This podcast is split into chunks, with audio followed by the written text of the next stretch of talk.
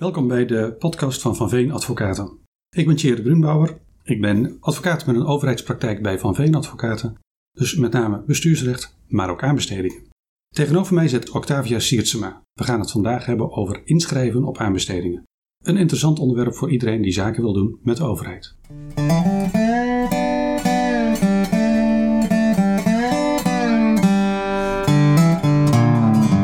Octavia, kun je jezelf eens voorstellen? Dag Tjeerd, Octavia Siertsma, aanbestedingsspecialist. Ik doe niks anders dan ondernemers helpen met het inschrijven op aanbestedingen. En dat zijn allerhande soorten ondernemers.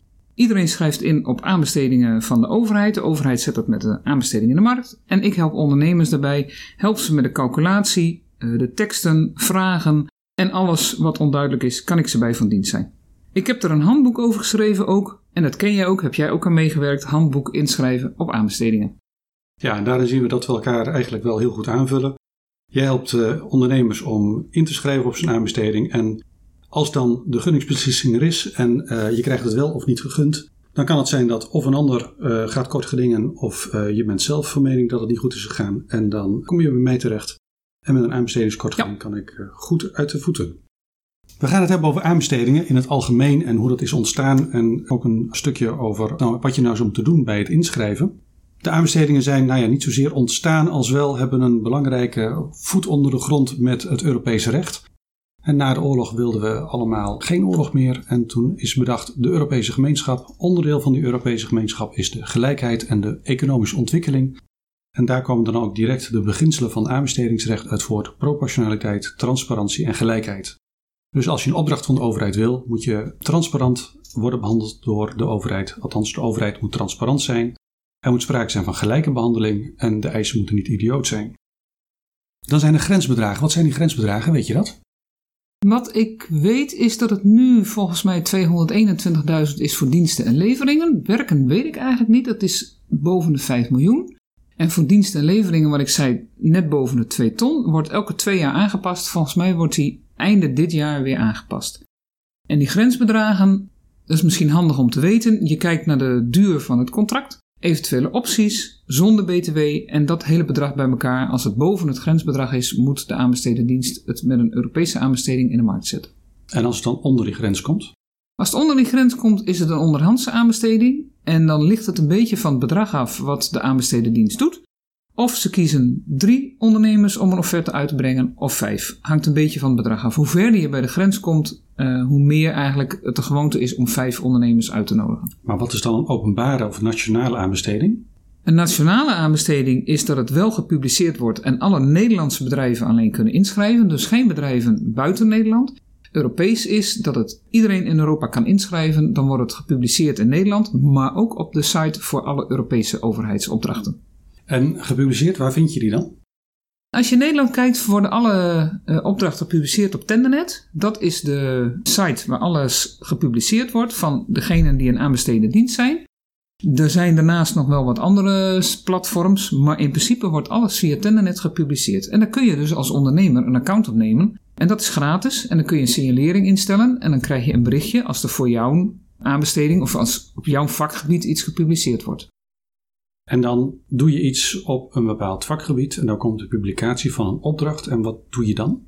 Nou, dan zou ik eerst maar eens de documenten gaan downloaden en dan heel goed lezen wat de bedoeling is en bedenken of je dit werkelijk kunt en of dat je ook tijd hebt om het te doen en of je straks in de uitvoering tijd hebt. En dan kun je het gaan lezen en dan moet je bedenken of je uh, gaat inschrijven. En als je gaat inschrijven, of je dat in je uppie doet, of je het samen met anderen doet. En of je dat uh, zelf de mankracht voor hebt om een inschrijving te maken, of dat je daar ondersteuning bij nodig hebt. En dat kan ondersteuning op velelei gebied zijn. Dat kan zijn qua calculatie, qua antwoorden op de open vragen die gesteld worden. Of iemand die je ondersteunt in het hele proces om daar wegwijs in te maken. Is dat nodig? Nou, ik weet niet wat jouw ervaring is met uh, aanbestedingen. Soms is het niet heel ingewikkeld. Een paar jaar terug had ik een aanbesteding van het ministerie van Binnenlandse Zaken echt op het MKB geschreven op kleine ondernemers. En dat was prima te doen. In de regel is het best wel lastig en zitten er ook lastige verklaringen bij, waar je heel goed naar moet kijken om die gewoon goed in te vullen. Verklaringen? Ja, je moet natuurlijk uh, duidelijk aangeven of je alleen inschrijft of met anderen. Je hebt het beroemde uniform Europees aanbestedingsdocument wat je in moet vullen. Maar de overheid vraagt veel meer wat je in moet vullen om te bewijzen dat je aan allerlei eisen en criteria voldoet. Waarom is dat dan zo belangrijk dat je daar allemaal aan voldoet? Ik bedoel, uh, je mag wel een foutje maken. Nou, eigenlijk bij aanbestedingen niet. Bij inschrijvingen, dan mag je hangt een beetje vanaf wat de aanbesteden dienst in hun document heeft staan. Maar in de regel staat dat als je een fout maakt, in welk document dan ook, dat ze je uit de procedure zetten. Heel soms staat erin dat ze de mogelijkheid hebben om je uit de procedure te zetten, dus dat het kan. Maar je moet dus heel goed opletten en zeker dat UEA is een document, als je daar een foutje in maakt, in de regel lig je dan uit de procedure. Dus kortom, het komt best precies. Ja, maar daar zul jij denk ik ook wel ervaring mee hebben dat het heel nauw steekt. Ja, dat is natuurlijk ook zo. Ik zie uh, hele nare ongelukken gebeuren op hele kleine foutjes. Net wat je zegt, aanbestedingsdocument is gedownload. Je gaat je inschrijving maken. Je gaat je inschrijving uploaden weer terug naar Tendernet. En dan wordt er één muisklikje vergeten om de digitale kluis te sluiten. En dan is het wel einde oefening voor deze inschrijving. Dan heb je dus urenlang, wat zeg ik, dagenlang heb je met je hele team gewerkt aan een inschrijving. En ja, de digitale kluis zat niet dicht. Er is één medewerker die daar een hele nare nacht en misschien ook al een paar nare maanden na heeft. Omdat je één klein foutje hebt gehad en dan is het weg. Eh, wat vind je er eigenlijk van, van die manier van beoordelen? Moeten we daar naar een andere manier toe of niet? Ik heb daar wel heel veel moeite mee, omdat je ziet hoeveel tijd en uur dat allemaal kost. Ik vind dat ondernemers soms heel uh, kort door de bocht afgerekend worden op inderdaad simpele dingen die gekeerd gaan. Als je alleen al bijvoorbeeld de beroemde UEA kijkt, dat is een vreselijk lastig document. Als je dat niet vaak invult, zit je eindeloos te kijken hoe je dat goed moet invullen. Dat het daar vaak verkeer gaat, dat snap ik wel. Maar dat je daar dan uh, in heel veel gevallen ijskoud op afgerekend wordt, daar heb ik wel heel veel moeite mee. Ja, kortom, een pleidooi voor wat meer flexibiliteit. Wat meer flexibiliteit en duidelijkheid. Want de gedachte is bij, de, bij aanbestedingen dat je de inschrijving in één keer moet doen. Dat de inschrijving ook in één keer goed moet zijn. En dat als je daar achteraf veranderingen in aanbrengt, dan kan het verwijt van de tegenpartij zijn. En dat is natuurlijk precies de kern van alle korte dingen die daarover wordt gevoerd. Het verwijt van de tegenpartij kan zijn: ja, eigenlijk heb je daarmee dus een nieuwe inschrijving gedaan. En dat is niet eerlijk. En omdat het niet eerlijk is, is het niet gelijk. En nou, dan ben je eigenlijk weer terug met waar we begonnen. Die beginselen van aanbestedingsrecht. Transparantie, gelijkheid en proportionaliteit. En dat je je inschrijving niet mag wijzigen, dat snap ik ook wel. Want dat is natuurlijk inderdaad niet eerlijk. Iedereen doet gewoon één inschrijving en dat is de inschrijving. Maar dan moet die inderdaad goed zijn. Maar je kunt kleine uh, foutjes maken. En daarvan denk ik, ja, in sommige gevallen moet dat gewoon herstelbaar zijn. Zeker als je kijkt naar de partij die de inschrijving inlevert. Als het kleine ondernemers zijn die niet vaak inschrijven, ja, dan is de kans groot dat je dat soort fouten maakt. Soms gebeurt het ook gewoon door de snelheid. Ja, helder. Hey, laten we eens kijken naar ons eerste echte inhoudelijk onderwerp, eisen en criteria. Wat voor eisen zijn er allemaal? Waar moet je op letten? Er zijn gunningseisen, uitsluitingseisen, uh, selectiecriteria. Die worden allemaal gehanteerd door de aanbesteden dienst. En als het goed is staan die ook netjes in het document en op volgorde opgezond. En geven ze ook netjes aan wat je moet aanleveren om aan die eisen te voldoen. Wat is het verschil daartussen? Een selectiecriterium stelt een aanbesteden dienst om de inschrijvende organisaties te selecteren. Dus dan moet je, dat zijn eisen die aan de organisatie als geheel worden gesteld. Gunningscriteria zijn criteria die worden aan de inschrijving gesteld. Dus de ene stelt criteria aan de inschrijver, dus de, de onderneming, en de andere aan de inschrijving, aan de offerte die je stelt. En selectiecriteria zijn bijvoorbeeld dat je ingeschreven staat bij de Kamer van Koophandel, een gunningscriterium is bijvoorbeeld prijs, maar is ook bijvoorbeeld een plan van aanpak wat je aanlevert of een antwoord op een vraag over uh, hoe je met je personeel omgaat. Als ik het nou plat sla, kan ik dan zeggen dat uh, selectiecriteria nullen en enen zijn. Je voldoet eraan of je voldoet er niet aan. En dat gunningscriteria een range of een, een, een bepaalde vlek betekent waarbinnen je wel of niet valt. Ja, dat is heel goed samengevat. Ja. Oké. Wat doe je als je denkt dat je niet aan een selectiecriterium voldoet? Laat eens een van die selectiecriteria onder de loep nemen. Je, eh, je moet in je uniform Europese aanbestedingsverklaring aangeven of je wel of niet bent veroordeeld voor het plegen van fraude, bijvoorbeeld. En ja, nu is het zo, dat komt bij uh, sommige ondernemingen wel voor. Er is inderdaad een strafrechtelijk onderzoek geweest. De onderneming heeft uh, gefraudeerd op punt X of Y.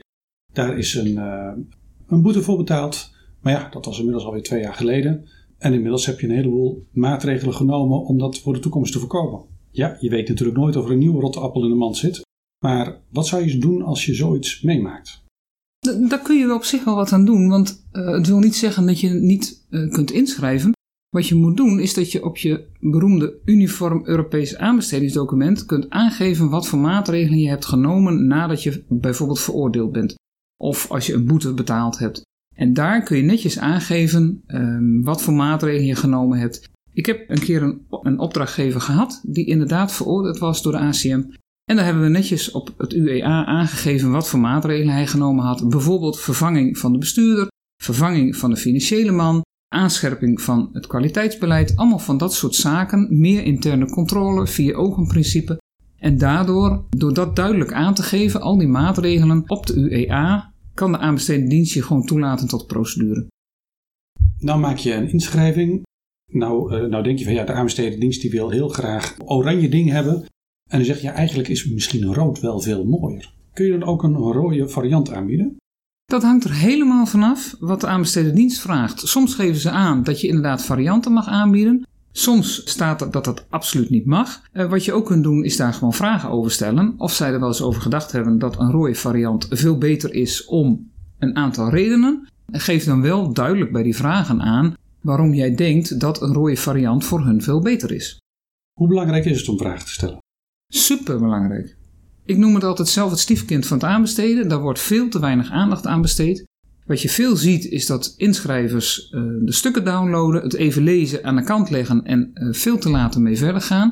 Dan is de vragenronde al voorbij, terwijl de vragenronde heel erg belangrijk is. En waarover moet je vragen stellen? Alles. Alles is veelomvattend. Ja. Noem concrete voorbeelden. Over de voorwaarden. Maar goed, dat weet jij ook. De inkoopvoorwaarden, de leveringsvoorwaarden, uh, de conceptovereenkomst, maar met name over de procedure, de inhoud, wat wordt er exact gevraagd, uh, hoe loopt de procedure, wat zijn de open vragen, is het duidelijk wat ze vragen, is dat eenduidig te beantwoorden. Je mag overal vragen over stellen. En ik zou er zelf aan willen toevoegen, je moet ook weten hoe er wordt beoordeeld, hoe er naar je inschrijving ja. wordt bekeken, wie het beoordeelt en dan niet zozeer of het Jantje of Pietje is, maar wat zijn deskundigheid is, hoe die deskundigheid wordt geborgd ja. en uh, hoe je achteraf bij de gunningsbeslissing dus kunt zien hoe het is beoordeeld, zodat het narekenbaar is en je dus, als je de nummer 2 of de nummer 3 bent geworden, het zij een helder uitleg hebt, het zij kunt narekenen dat de manier waarop je dan buitenspel bent gezet, het uiteindelijk dat het niet correct is geweest. Maar je hebt natuurlijk nog een categorie vragen stellen. Je kunt natuurlijk ook vragen stellen om de aanbestedende dienst te dwingen concreter te zijn en duidelijk zijn in wat ze willen. Je kunt vragen stellen om je concurrenten dwars te zitten. Je kunt vragen stellen om zelf in een betere positie te komen. Er zijn alle redenen waarom je vragen kunt stellen. Maar als je zegt waarover, overal mag je vragen over stellen. Ja. Hoe zou je een concurrent kunnen dwars zitten met je vragen? Als jij weet dat een concurrent geen ISO heeft en jij wel, kun je daar vragen over stellen, dusdanig dat de aanbesteden dienst zegt: ja, inderdaad, ISO met een audit, uh, dat is belangrijk, dat is verplicht. En daarmee sluit je een concurrent uit. Ja, nou, ik, ik kan mijzelf een kort geding herinneren waarbij de vraag was of een bepaald type programmatuur al in productie was genomen. Mijn cliënt had toen die vraag gesteld omdat hij wist dat hij de enige was die het in productie had genomen. En ook uh, met daadwerkelijke uitlevering naar een een of ander loket van de overheid. En vervolgens kwam de concurrent tijdens de rechtszitting met de mededeling: ja, het is al helemaal in de testfase en het is al helemaal goedgekeurd. Dus ja, het is productiegereed. En daarmee dus eigenlijk ook in productie. En de voorzieningenrechter die daarop aangaf: ja, maar in productie genomen is toch dus daadwerkelijk de testfase voorbij. En daarop hebben we de zaak toen gewonnen. Dus inderdaad, ja. door verstandig vragen te stellen kun je de concurrentie soms uitsluiten. Dat is uh, nou best interessant. Ja, en wat je dus moet doen is document ontzettend goed lezen. En eigenlijk moet je het met meerdere mensen lezen. En dan goed kijken van wat zijn de zaken die niet duidelijk zijn. Waar kunnen we vragen over stellen. Wat is van belang als je kijkt naar concurrenten die ook zullen inschrijven. En uiteindelijk alle te stellen vragen verzamelen. En dan bepalen welke stellen we wel en welke stellen we niet. Welke vragen stel je niet? Vragen waarmee je informatie prijsgeeft aan concurrenten. Kun je daar een voorbeeld van geven? Als jij een bepaalde goede oplossing voor iets hebt waarvan je denkt dat is iets uh, waar de aanbestedendienst blij van wordt. En je denkt ja, als ik dat ga melden, dan weet de concurrentie dat en dan ben ik mijn voordeel kwijt. Wees er wel van bewust dat je dat soort vragen uh, ook kunt stellen aan een aanbestedendienst met het verzoek om alleen aan jou antwoord te geven. En dan kun je aangeven dat het vragen zijn waarvan het antwoord jouw economisch of commercieel belang schaadt. En dan krijg jij alleen antwoord en niet iedereen. Dus dat kan. Als ik het nu zou moeten, moeten samenvatten, kan ik dan zeggen dat het eh, stellen van vragen, wat jou betreft, misschien nog wel belangrijker is dan de inschrijving zelf? Of overdrijf ik dan? Nee, dan overdrijf je niet. Ik vind het vragen stellen is super belangrijk. Als je dat niet goed gedaan hebt, kun je nooit een goede inschrijving in maken, inleveren. Stel je nou voor dat ik een uh, aanbestedingsstuk heb en daar zitten nog steeds onduidelijkheden in, want ik ben vergeten daar iets over te vragen. Waarom is dat zo erg? Omdat je daarna daar niet meer op kunt terugkomen, het beroemde Grossman-arrest, maar dat kun jij denk ik beter uitleggen dan ik. Ja, nou dat is natuurlijk wel waar. Op het moment dat, je, dat de vragenronde voorbij is, dan heb je te doen met de stukken die er op dat moment liggen. En dan kun je niet meer klagen over een bestek wat onduidelijk is of uh, aanbestedingsstukken die onwerkbaar zijn. Dan is dit het wat er is. En dan is ook de voorzieningrechter daaraan gebonden. En sterker nog, de aanbestedende dienst zal alles in het werk stellen om je dan het Grossman-arrest tegen te werpen. Dus Ja. kortom, vragen stellen is eigenlijk het belangrijkste wat je, wat je kunt doen. We hebben het zojuist gehad over de beginselen van aanbestedingsrecht. Transparantie, gelijkheid en proportionaliteit. En ik houd mijn klanten altijd voor dat als je in je eh, bezwaren tegen een aanbestedingszaak niet kunt wijzen op proportionaliteit, transparantie of gelijkheid, dan heb je in veruit de meeste gevallen geen zaak.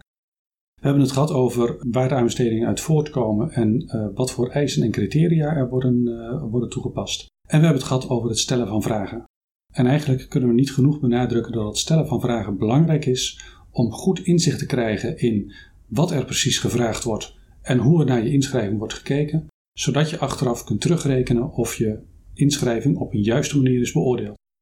Dat heeft zijn voordelen en het heeft zijn nadeel. Als je het glashelder kunt terugrekenen en daaruit blijkt dat je de nummer 2 bent, ja, dan heeft het weinig zin om nog een kort geding op te starten. Maar goed, aan de andere kant, als je terecht de nummer 2 bent geworden, dan is het opstarten van een kort geding ook eigenlijk alleen maar weggegooid geld. Kortom, hoe meer vragen je stelt, hoe meer je jezelf werk kunt besparen en hoe betere inschrijvingen je kunt maken. Wil je deze uitzendingen niet missen? Vergeet dan niet je te abonneren op de podcast, zodat je automatisch een melding krijgt als er een nieuwe uitzending is. Heb je interesse in de workshop Inschrijven op aanbestedingen, waarbij Octavia en ik dieper op dit onderwerp ingaan en waarin je concreet leert hoe je het opdracht van de overheid binnenhaalt? Ga dan naar www.vanveen.com. Dank voor het luisteren. Tot de volgende keer.